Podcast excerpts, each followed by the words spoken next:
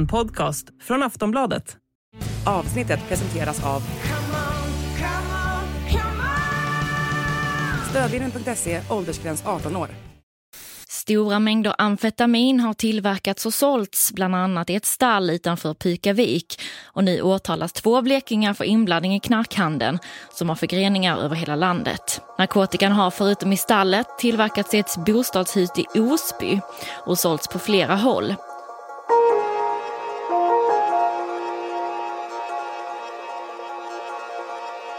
De tre killarna sa att de skulle meka med bilar när de ville hyra in sig i det idylliskt belägna stallet utanför Sölvesborg. Men bakom fasaden påbörjades istället en helt annan verksamhet. Tillverkning av amfetamin i industriell skala. Med hjälp av dolda kameror och avlyssnade telefoner kunde polisen börja nysta upp en narkotikahärva som bara tycktes växa. Det här är Knarkstallet, ett avsnitt av podden Aftonbladet Krim. Jag heter Anders Johansson.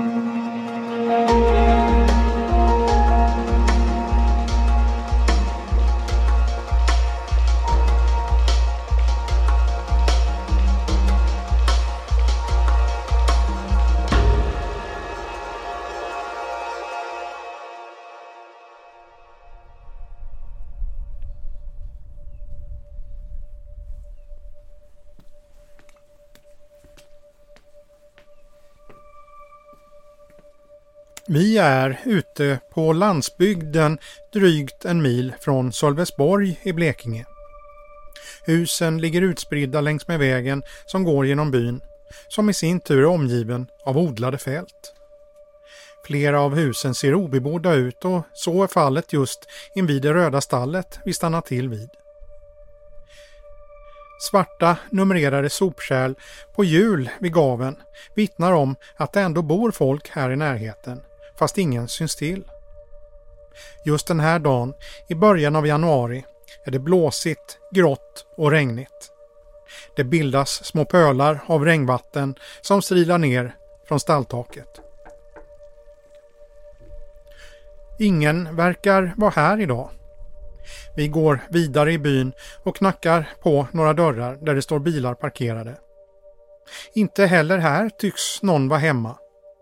Men i ett hus lyser det hemtrevligt i grådasket. Vi ringer på.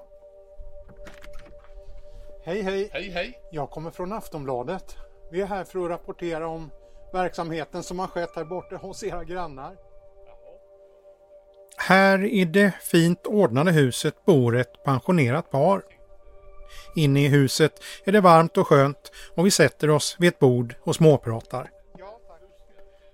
Innan pensionen jobbade paret här med grönsaksodling. Under säsong levererade de grovt räknat 60 ton grönsaker i veckan till de stora matvarukedjorna. Ja, vi hade ju 15 olika kulturer där. Va? Så det, är ju, ja.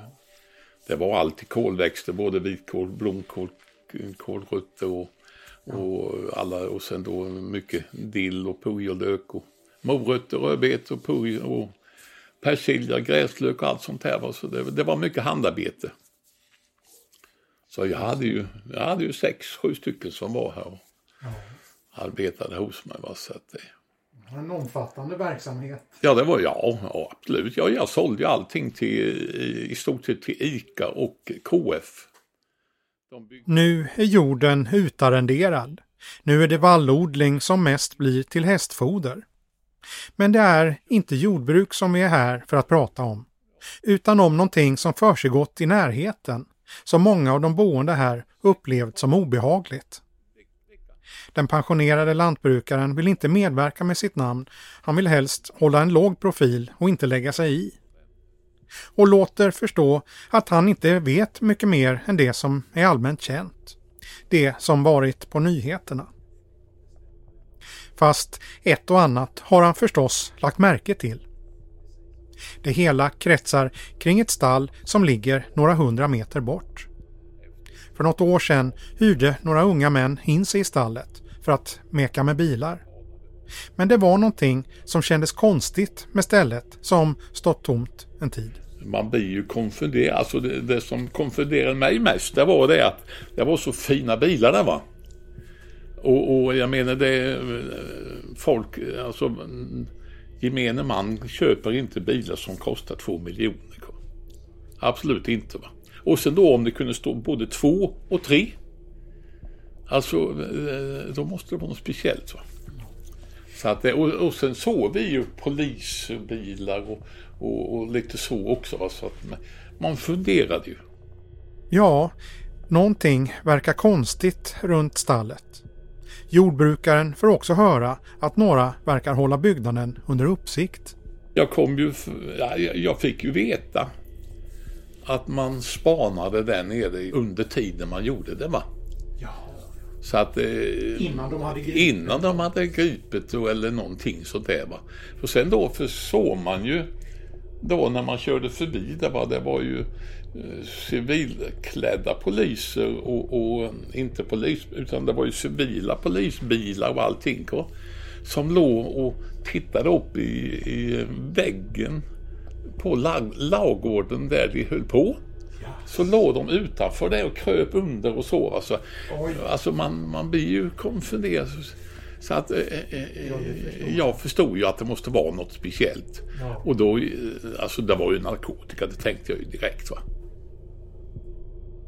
Ja, jordbrukaren misstänker att det rör sig om narkotika. En misstanke som ska visa sig stämma. Men trots att han gissat rätt kommer det ändå som en chock när det visar sig hur storskalig produktionen varit. De hade tillverkat 250 kilo. Det är ju helt otroligt.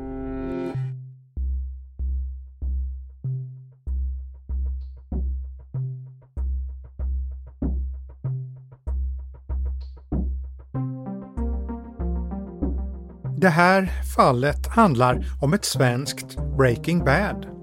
I den amerikanska tv-serien börjar en kemilärare tillverka stora mängder metamfetamin som man tjänar miljoner och åter miljoner dollar på. I det svenska och verkliga fallet som utspelar sig i Blekinge och Skåne klär sig några av huvudpersonerna på samma sätt. Med ansiktsskydd och andningsmask och tar bilder av sig själva. Och skriver under dem namnet Walter White. Namnet på tv-seriens huvudperson. Bilder som sen blivit till bevismaterial i ett enormt ärende som resulterat i 17 000 sidor polisutredning och som lett till åtal och rättegång. Målet handlar alltså även här, som i tv-serien, om amfetamin och tros vara det största som någonsin hanterats i Kristianstad tingsrätt.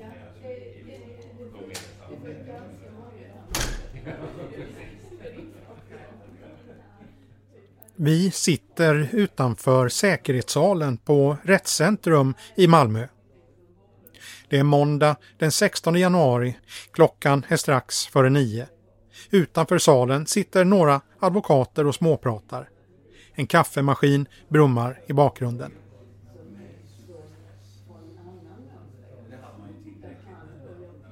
På en skärm bredvid en dörr står namn och målnummer och Kristianstad tingsrätt. Målet ägs nämligen av dem men på grund av praktiska omständigheter har de lånat säkerhetssalen i Malmö. Sakta men säkert fylls väntrummet med försvarsadvokater. Två stycken pratar om att det här kommer bli en lång rättegång. Idag är det dag nummer 12. Men det tros kunna bli uppemot 60 dagar. Några andra pratar om ett annat mål där de representerar varsin klient. Strax efter nio plingar det till.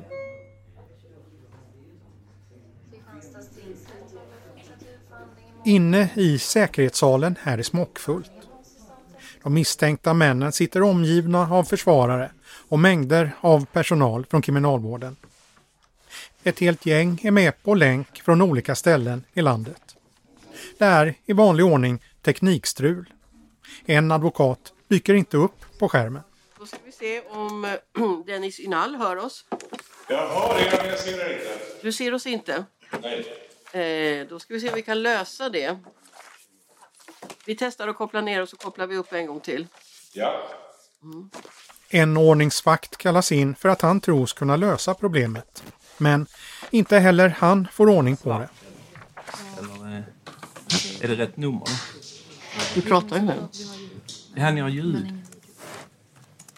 Eh, ja, det enda är att prova att lägga på eh, och ta bort den. Och, ja. Okej.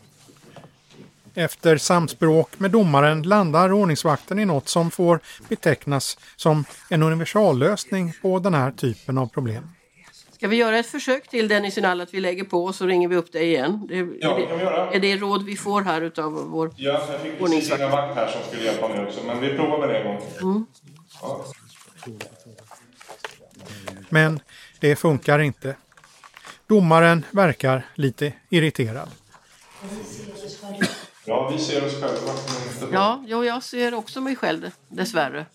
Men eh, eh, ska se, det vore ju bättre om jag såg advokaten. Ja, Efter några om och men får rätten till slut tekniken att fungera. Domaren lämnar över till åklagare Maria Reutne som får inleda dagens förhandling. Eh, men nu kan vi bara konstatera att vi har så här långt i, i rättegången fått en introduktion. Inledningsvis går åklagaren främst översiktligt igenom vad som ska presenteras under dagen. Vilka dokument som kommer vara viktiga just under den här dagens förhandling. Eh, Efter några minuter kommer hon till vilka beslag som gjorts i ärendet. En uppräkning som säger något om vilken typ av mål det här handlar om. Sammanlagt så har det beslagtagits cirka 234 kilo amfetamin, 12 liter amfetaminolja, 11 kilo cannabis, 80 gram kokain, 2,5 kilo MDMA i pulverform samt 32 000 tabletter MDMA.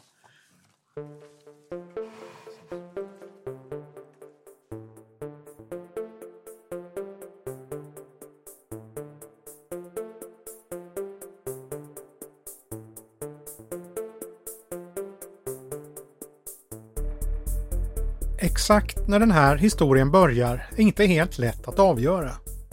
Det finns flera viktiga datum. Men vi väljer att ta avstamp den 16 mars 2021. Eh, och då börjar man ju spana på ett hus då i Osby. Det här är Sigrid Nurbo, kriminalreporter på Kristianstadsbladet som följt ärendet som det här avsnittet handlar om.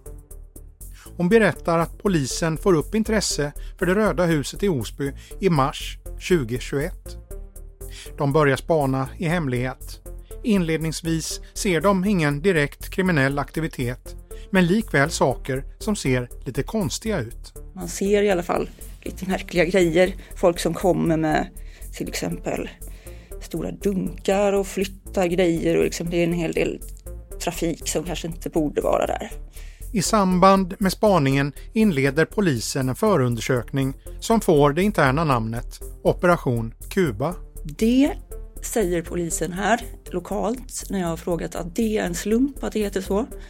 Ehm, Det är bara blivit så. Det står i alla fall inte för något speciellt. Oavsett namnet så fortgår Operation Kuba. Fyra dagar efter att förundersökningen inletts händer något. Polisen stoppar en bil i Helsingborg. När polisen pratar med föraren är han nervös. Svarar undvikande och vissa gånger inte alls. I bagageutrymmet hittar polisen två stycken skyddsmasker täckta av vitt stänk. De hittar också en Fantaflaska. Det hela antecknas men sen släpps föraren som kör vidare. Kom ihåg Fantaflaskan. Vi kommer återkomma till den. Fem dagar senare sker något nytt. Precis utanför Kristianstadsbladets egna lokaler. Det var eh, då enligt misstankarna den personen som vi kallar för västkustbon som är en företagare som kom hit i en vit Tesla. Parkerade på vår, vår gata här utanför. Efter ett tag kommer en man fram till Teslan. Han pratar med västkustbon som står med ett anteckningsblock i handen. Efter ett tag kommer ytterligare en man som bär på till synes två tunga väskor. Det är samme man som några dagar tidigare uppträtt nervöst vid fordonskontrollen i Helsingborg. Han lägger väskorna i bagageutrymmet på Teslan. Sen går han och hans vän iväg. Samtidigt som västkustbon sätter sig i bilen och kör. När han eh, körde iväg sin Tesla så körde han sen mot Malmö hållet och in på en mack eh, utanför Lund, trafikplats Gårdstånga. Där skulle han in och köpa, tror det var en eh, Loka. Men polisen har följt efter honom. När han kommer ut från macken så grips han. Då eh, fick han ju öppna, eller de öppnade hans Tesla bakluckan där och då låg ju de här svarta jätteväskorna där med amfetamin uppåt 90 kilo. Så han har ju suttit häktad då sedan eh, i mars där eh, någon gång 2021. Så det är ju väldigt lång tid. I samband med gripandet gör polisen även husrannsakan i Västkustbons hem och förråd. Och hittade ju inte bara narkotika utan också till exempel ett vapen. Något slags gevär om jag minns rätt som han själv säger ett prydnadsgevär. Västkustbon grips och häktas. Men de två misstänkta säljarna är fortsatt på fri fot. Eh, och de två Kristianstadsbor som han då misstänker har varit med vid överlämningen, de fick eh, helt enkelt löpa vidare fritt. Ja, för Kristianstadsborna fortsätter allt som om ingenting har hänt. Men polisen är dem hack i häl och övervakar deras vardag. Under de följande veckorna kartlägger polisen flera för utredningen intressanta personer. De ser flera saker som väcker deras intresse. Ja, det är ju massor med grejer men de ser ju då eh, eh personer som bär på kanske märkliga grejer som kartonger, dunkar och att de, varför tar de på sig handskar när de ska bära i detta? Ja, något som återkommer är att de övervakade männen bär stora lådor och dunkar. Och ofta tar de på sig plasthandskar innan de lyfter. Under spaningen syns också hur ett antal platser återkommer. Bland annat ett hus i Osby. Eh, ganska oansenligt kan man säga. Det är ju nästan ett litet gulligt hus med rött hus med vita knutar. Eh, som säkert är jätteidylliskt på våren, sommaren. En annan plats som fångar polisens intresse är en affärsverksamhet i Kristianstad som drivs av en av de misstänkta. En av de här lokalerna, de, det verkar vara en liten samlingsplats. Där är det mycket bilar och trafik och eh, leveranser kan man säga. Och där har polisen varit jättemycket och eh, spanat. När polisen spanar mot lokalen tycker de sig se ett mönster som återkommer. De misstänkta bär lådor fram och tillbaka och är genomgående noggranna med att ta på sig plasthandskar innan de bär. Men polisen ger sig inte till känna. Spaningen fortsätter. I början av april händer något som ska bli helt avgörande i ärendet. Allt börjar kvällen den 5 april när två personer som polisen har span på hyr en Peugeot på en mack i Blekinge. Dagen efter ser spanarna hur de två åker norrut mot Stockholm. På kvällen den 6 april parkerar bilen på ett industriområde på Värmdö. Kort senare dyker en bil av märket Volkswagen upp. Sen går det fort. Fyra svarta sopsäckar byter ägare och slängs in i bagageutrymmet i Volkswagenbilen. Sen åker bilarna åt olika håll. Bara minuter senare stoppas Volkswagenbilen. I bagageutrymmet hittas mängder med amfetamin. Senare görs även en husrannsakan hemma hos föraren. fanns det ju redan massor med narkotiska preparat som han väl verkar ha fått från annat håll. Sammanlagt beslagtar polisen 60 kilo amfetamin och tusentals narkotikaklassade MDMA, ecstasy-tabletter. Polisen är alltså i det här läget förhållandevis säker på att de sett en transaktion. Men istället för att gripa förarna av Peugeot-bilen, alltså de misstänkta säljarna, så väljer de att följa efter dem söderut. Och det är då, sent på kvällen den 6 april, som de hittar stallet. Eh, lite utanför Sölvesborg i Blekinge. Eh, det är ju inte så här öde, det är ju inte jättevischan liksom. Utan det är ju lite hus intill och så. Det, är inte, det finns ju grannar liksom. Men det är ju absolut inte tättbefolkat. Ja, genom att följa bilen får polisen upp ögonen för ett stort stall som ligger drygt en mil från Sölvesborg. De misstänker tidigt att det här är en tillverkningsplats. En fabrik för att framställa amfetamin. Med hemlig kameraövervakning och spaning kartlägger de alla rörelser på platsen. Bara dagar senare händer något vid den andra lokalen. Den röda stugan i Osby. Verksamheten tycks avvecklas. Senare när ligan då påstås ha lämnat den här tillverkningsplatsen hur två andra misstänkta städare där, påstår polisen. Ja, det ser ut som att huset städas ur. Men någon överdrivet noggrann städning verkar det inte handla om. Eh, om man tittar i polisens utredningsmaterial så ser det ju ganska konstigt ut för att eh, Eh, det är ju som att någon har bakat i hela huset i princip. Det ligger ju vitt. Det är som att någon har haft vitt pulver i hela huset och så har man försökt städa det med en lite så här otvättad mopp liksom och dragit ut det över golv och ytor som köksbänk och mikro. Det ser inte rent ut. Under april och maj fortsätter polisen att spana. De noterar registreringsnummer, följer bilar, fotograferar folk som rör sig utanför stallet och utanför affärslokalen i Kristianstad. Allt i hemlighet, även om en del av de närboende sett delar av spaningsaktiviteterna. Vid ett tillfälle verkar det som att en polis oroar sig för att han blivit upptäckt under en spaning.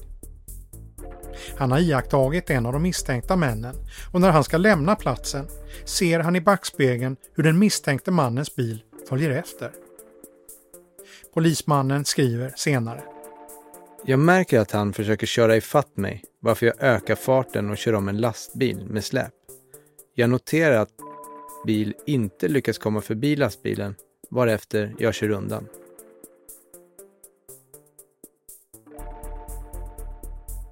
Den 24 maj verkar det som att polisen slutligen tycker sig ha tillräckligt med bevis.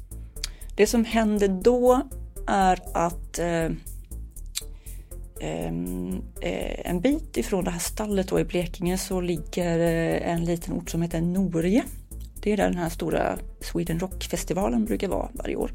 Och där så ser spanarna då hur eh, en eh, överlämning sker, som man menar. Ja, än en gång tycks stora mängder amfetamin byta händer. Men den här gången följer polisen efter köparna som grips vid en trafikplats. Och sen så vet vi inte, men på något sätt så bestämmer sig polisen, eller om de har gjort det redan innan, att idag ska det ske. Ja, kort senare slår de till. En razzia på flera ställen. Det är sju personer som grips den här dagen om jag minns rätt. Eh, och det är både här i Kristianstad-trakten och i, i Blekinge då.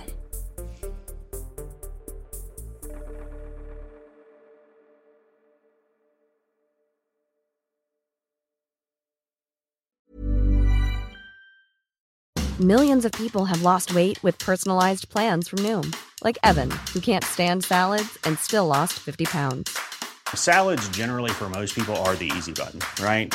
For me, that wasn't an option. I never really was a salad guy. That's just not who I am. But Noom worked for me. Get your personalized plan today at Noom.com. Real Noom user compensated to provide their story. In four weeks, the typical Noom user can expect to lose one to two pounds per week. Individual results may vary.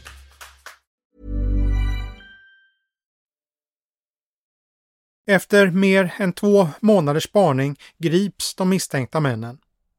Det görs flera beslag.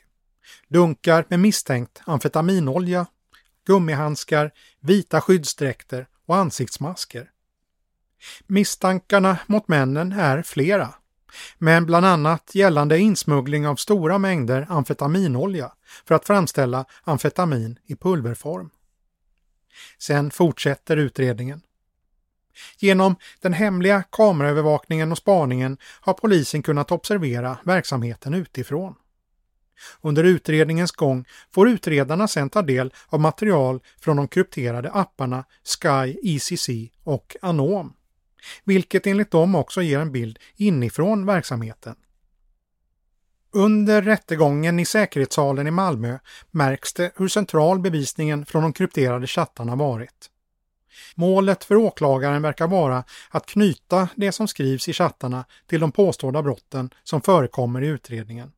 Att de anonyma användarna faktiskt är de åtalade personerna. Vi går igenom konversationerna steg för steg. Ett första exempel är en konversation från Anom där två användare pratar om ett hus som måste tömmas.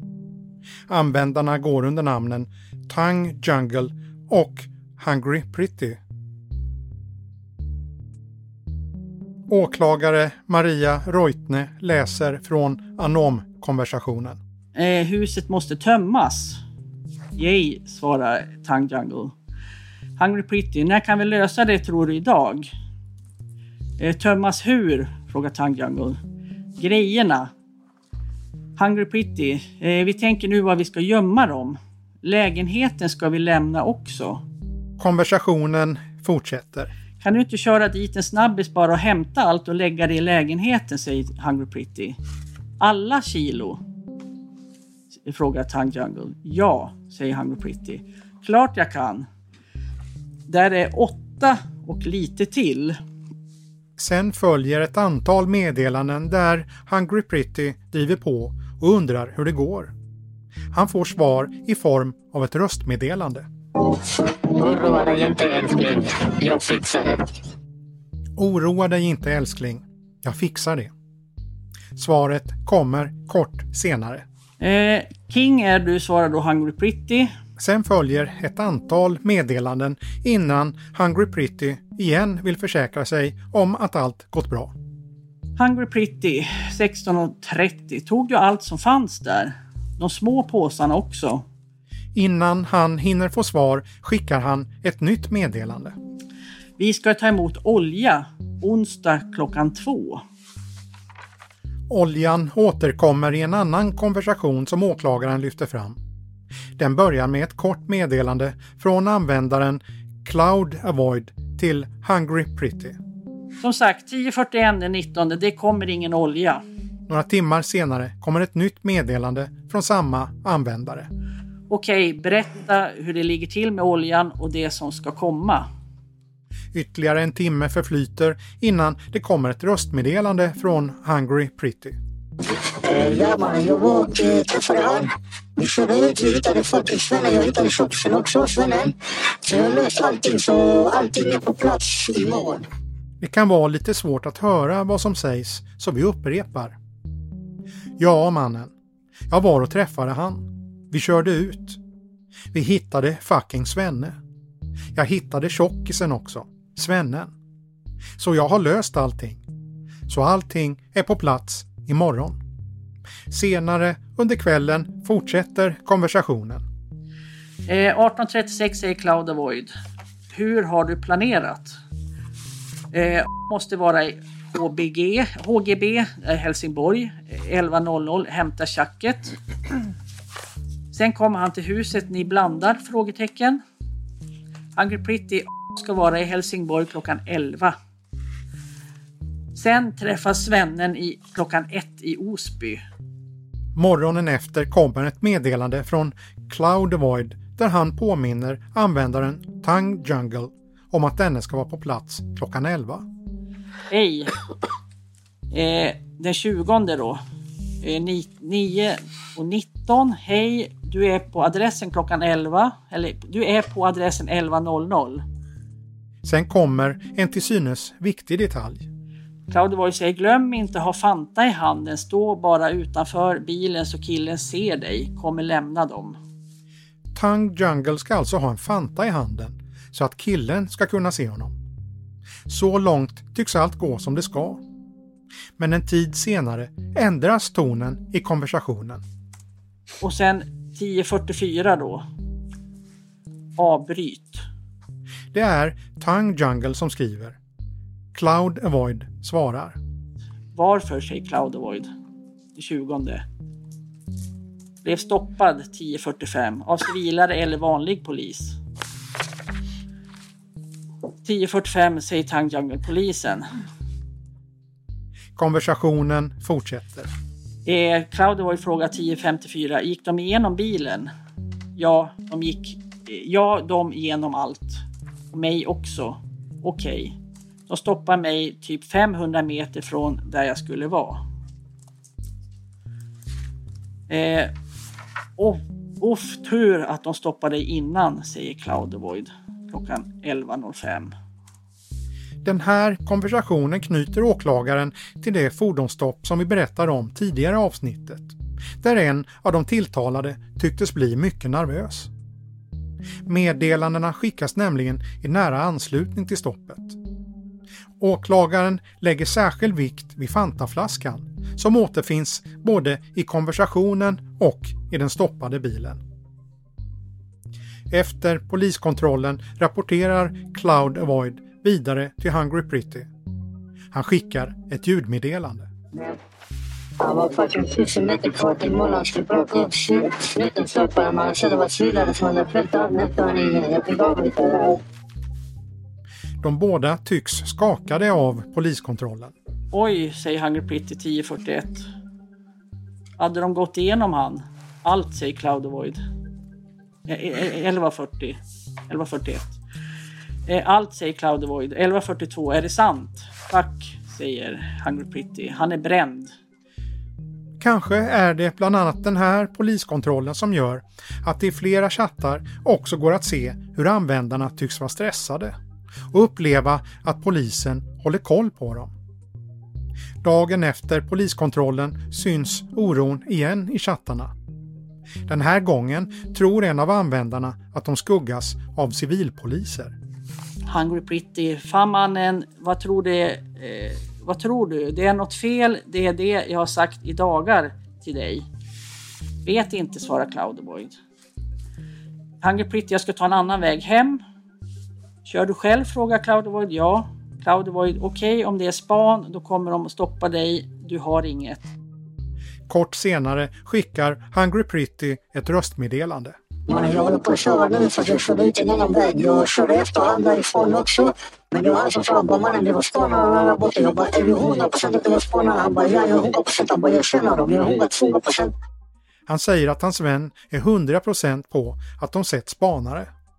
Han fortsätter med en teori om hur polisen kan ha hittat dem. Det är någonting fel. Det kanske de har fått i lurarna också mannen. Tror du inte det? Det är någonting fel. Det kanske är de här fucking lurarna också, mannen. Tror inte det? Jo, tiden ska ge Hungry Pretty rätt. Det är något fel. Lurarna är skapade av FBI, som en fälla, och varje meddelande som skickas sparas av den amerikanska polisen. Om användarna är de som åklagaren påstår stämmer dessutom misstanken om att spanarna är efter dem.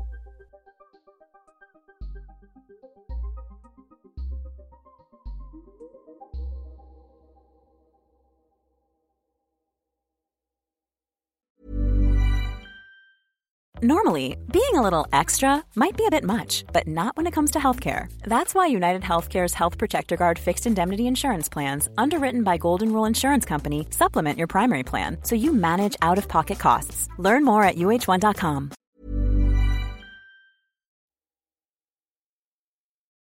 Hur det kommer gå i rättegången vet vi inte än. Huvudförhandlingen har än så länge bara börjat. Majoriteten av de misstänkta nekar till brott och säger att de inte använt anommobiler eller tillverkat amfetamin.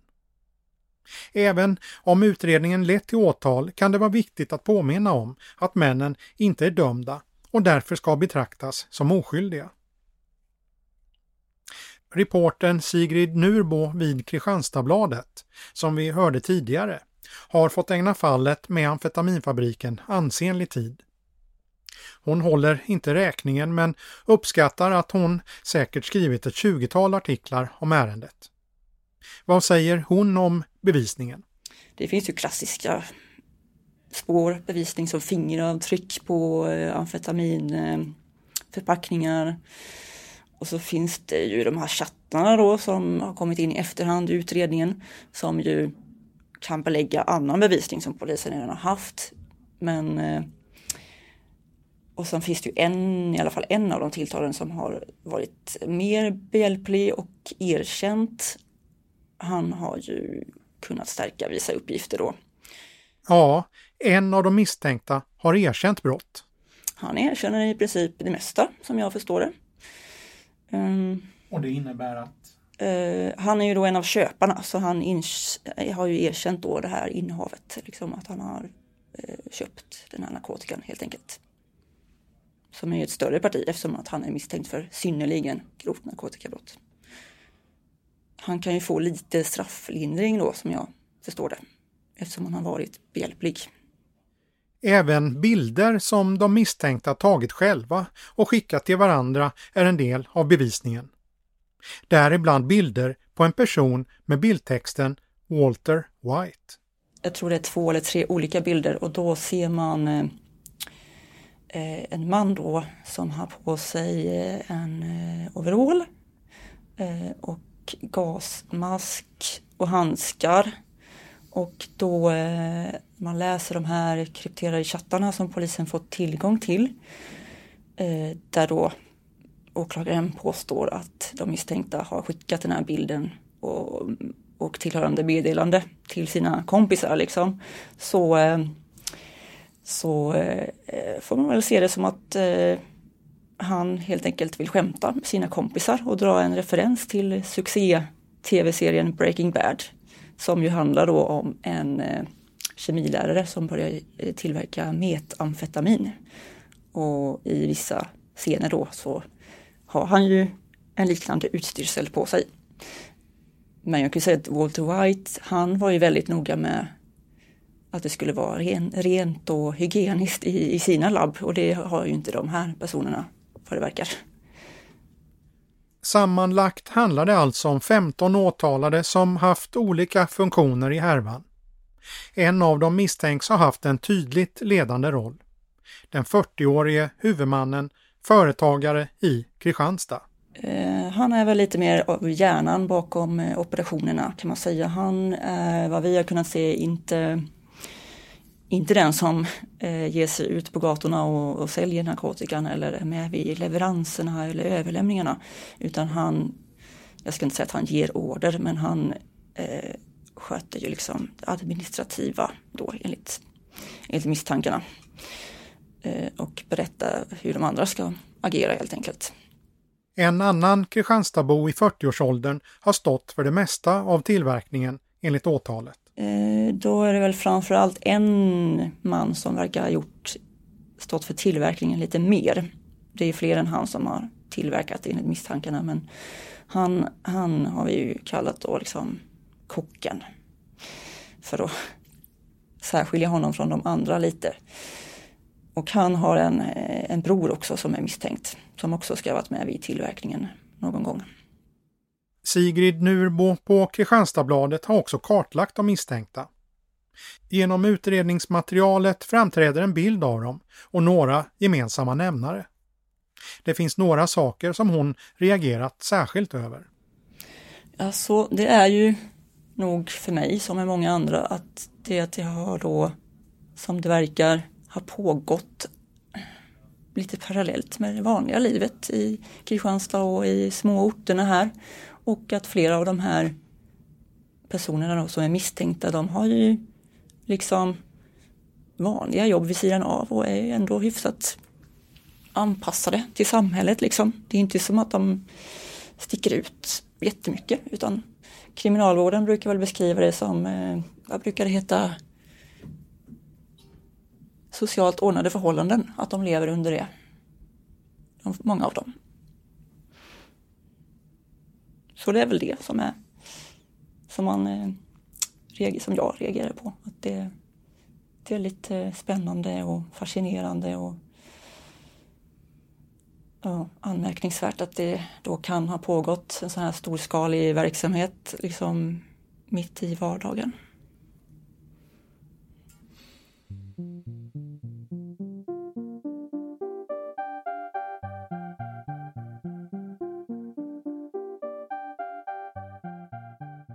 Det här fallet handlar alltså om narkotikaframställning av närmast industriell karaktär. En amfetaminfabrik. En storskalig verksamhet som pågått mitt i vardagen. Men det är långt ifrån den enda. Polisens nationella avdelning, NOA, följer utvecklingen noga. Steve Alm med titeln strategisk analytiker har under många år arbetat med underrättelseverksamhet riktad gentemot narkotikabrottsligheten. Han varnade redan för flera år sedan att den inhemska tillverkningen såg ut att öka. Ja, tyvärr så måste jag konstatera då att, eller vi konstaterar från polisens sida att eh, den här trenden har slagit in. Eh, vi har alltså en, en, en ganska radikal ökning eh, utav ärenden som rör amfetamintillverkning i Sverige. Eh, och det här är ju då en sak som, som vi har varnat för tidigare. Och vi har ju då pekat på då möjligheten av att ta in halvfabrikat. Därför att sätta upp ett stort laboratorium och göra det från ax till limpa, det är en ganska omfattande historia och kräver mycket kunskap och logistik. Men här har de kriminella hittat vägar till en ganska enkel tillverkning, berättar Steve Alm. Han förklarar hur det går till. Man tar in halvfabrikat, så kallad amfetaminolja, ifrån i första hand Holland, eh, Nederländerna. Och eh, med en enkel process så kan man då eh, framställa då eh, missbruksbart amfetamin i pulverform. Och det är det vi har sett nu eh, och vi har haft eh, eh, flera exempel på ganska omfattande sådan och det är en del av trenden att det blir mer och mer sofistikerat. Man har alltså en logistisk eh, apparat omkring de här tillverkningarna som då eh, är då mer avancerad än de här tillfälliga som vi såg tidigare. Eh, och det här är ju då, har ju kopplingar då naturligtvis till den organiserade kriminalitet vi har idag, väldigt mycket då den gängrelaterade. Där, som där då finns så att säga, en avsättningsmarknad för vidareförsäljning ut till kunderna. Eh, och det har ju då breddat så att säga, marknaden och möjligheten av att distribuera ut eh, färdig produkt ut i landet. Vad är då förklaringen till att de kriminella i större utsträckning börjar tillverka själva? Den kanske viktigaste anledningen är inte så komplicerad. Det handlar helt enkelt om pengar enligt Steve Alm. Ju mer man kan göra själv, ju färre mellanhänder eh, har man ju. Och det innebär ju då att eh, profiten i slutändan, alltså vinsten, eh, blir ju då större naturligtvis. Och det är ju det som är den huvudsakliga drivkraften bakom att man eh, gör det här. Man får också kontroll över då eh, hur mycket man producerar, man får kontroll över eh, vilka distributionsnät man vill etablera och vilka möjligheter man har att bygga ut det. Så det finns ju många fördelar med det. Men eh, naturligtvis den ekonomiska drivkraften är ju den som eh, är då mest avgörande här för vilket, vilken strategi man väljer från den kriminella sida. Polisen ser flera samhälleliga risker med en ökande tillverkning inom landet. Narkotikan blir lättare tillgänglig. Vad kan då göras för att stävja trenden med ökande inhemsk narkotikaframställning? Ja, det är ju många saker vi kan göra här och det är ju polisen är inte ensam så att säga aktör i det här eh, sammanhanget. Eh, polisens uppdrag då att eh, upptäcka, eh, förebygga, upptäcka och beivra eh, brott. Eh, det är ju så att säga en del av de åtgärder som måste till då för att då stävja det här. Eh, och jag menar det här kopplar man, kan man ju direkt koppla till då framväxten av, av den kriminella verksamheten som, som exempelvis är identifierat i våra förorter. Eh, och, och, det är ju så att säga då mycket sociala insatser, mycket andra insatser, förebyggande insatser, skolor, kommuner etc. Eh, som måste till då för att eh, stävja det här. Det är den ena delen. Den andra delen handlar ju då mer om den här internationella handeln. För amfetaminoljan kom ju, som jag konstaterade då tidigare, ifrån, från Holland exempelvis. Eh, och eh, där är ju det internationella samarbetet väldigt viktigt. Eh, och det lägger vi från polisens sida väldigt mycket krut på nu med att bygga upp då strukturer inom ramen för Europasamarbetet. För att då eh, öka möjligheten av att vi utväxlar informationer, eh, konstaterar då att eh, den kriminella verksamheten är gränsöverskridande, identifiera den gränsöverskridande kriminalitet som pågår. Och på det viset då i samverkan med andra länder och Europol inom ramen för Europasamarbetet eh, kartlägga de här kriminella strukturerna och slå ut dem. Men för att kunna slå mot de kriminella som håller på med den här typen av narkotikaframställning gäller det att upptäcka dem. Och helst innan de fått in råvaran, halvfabrikatet, som är lättare att smuggla in än färdigt amfetamin. Vi hör Steve Alm, strategisk analytiker vid NOA igen. Det är lätt att gömma det här. Man kan gömma det i alla möjliga typer av kommersiella produkter, kemiskt-tekniska produkter, alltså mer emballage som då eh, till synes ser helt harmlösa ut, men då eh, innehåller amfetaminolja istället. Amfetaminolja kan alltså gömmas bland nästan alla tänkbara flytande produkter som är lagliga att handla med. Nu finns en medvetenhet om det. Men för att skilja ut vad som är vad och hitta det olagliga kan det behöva utvecklas nya metoder. Och då behöver polisen samverka med andra myndigheter.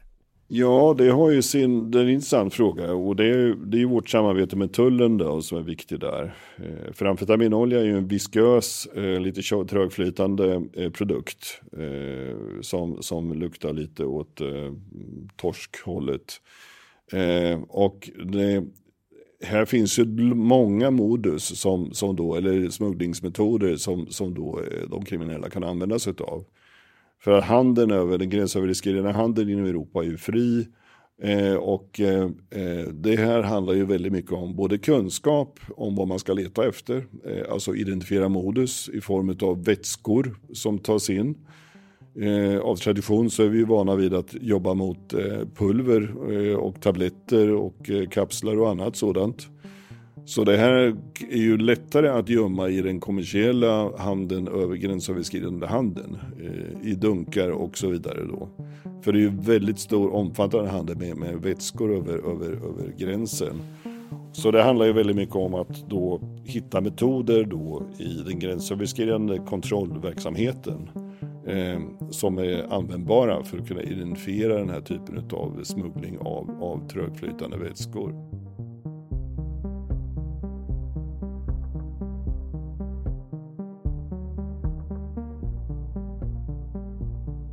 När det här spelas in återstår det som sagt lång tid av huvudförhandlingen. Hur lång tid det kommer ta vet vi inte. Alla dagar är ännu inte inbokade. Men gissningen är att det kommer pågå i flera månader till. De flesta av de misstänkta männen nekar också som sagt till brott. Och det är värt att än en gång påpeka att det hela handlar om polisens misstankar och att ingen är dömd för någon del av den här brottsligheten. De misstänkta ska därför betraktas som oskyldiga tills motsatsen bevisats.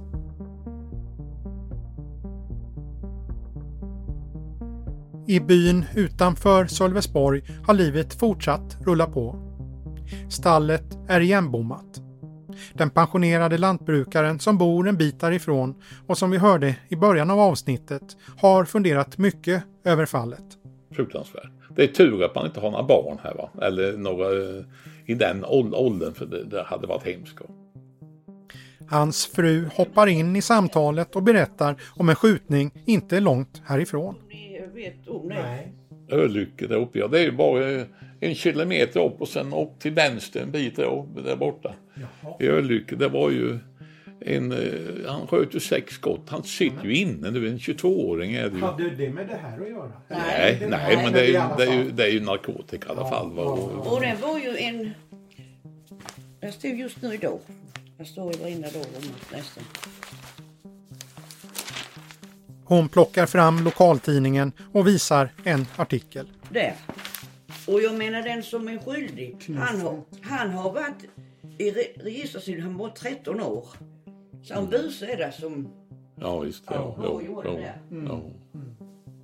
Kriminaliteten kryper in på. Det står om det i tidningen nästan varenda dag. Och i landet i stort har antalet skjutningar aldrig varit så många som det gångna året 2022. En oroande utveckling där Sverige sticker ut. Ja, jag menar det är ju om man tittar på Norge och Danmark och Finland om man ser här med hur många man har skjutit ihjäl. Eller, eh, jag menar de har skjutit ihjäl 10 stycken och vi har skjutit 61 eller 62. Ja, ja. Och de är, de är 15 miljoner ungefär och vi, vi är 10-11. Alltså, jag menar, då, och, eh, det stämmer ju inte va. Det måste ju vara, alltså vi måste ju göra något fel. Då. En sak som lantbrukarparet vill peka på är medlemskapet i EU.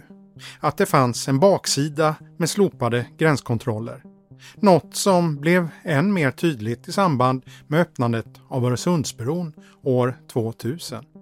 Nej, du vet, allting har ju, har ju ökat ut sedan de byggde den här Öresundsbron. Och jag kan inte förstå varför man inte har tullar och, och eh, den verksamheten. När det kommer så mycket och, det, och vapen. Samtidigt går det trafik ut ur landet med stöldgods.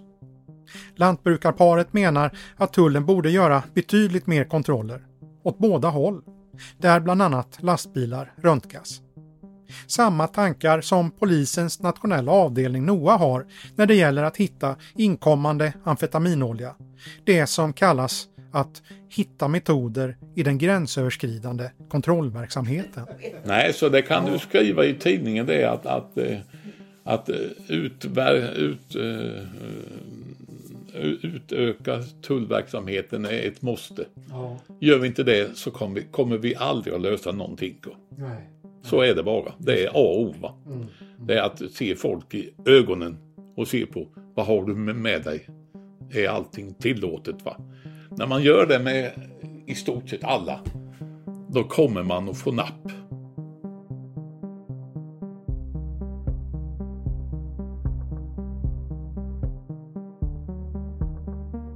Du har lyssnat på ett avsnitt av podden Aftonbladet Krim.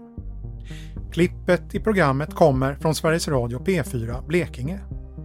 Producent var Marcus Ulfsand. Jag heter Anders Johansson.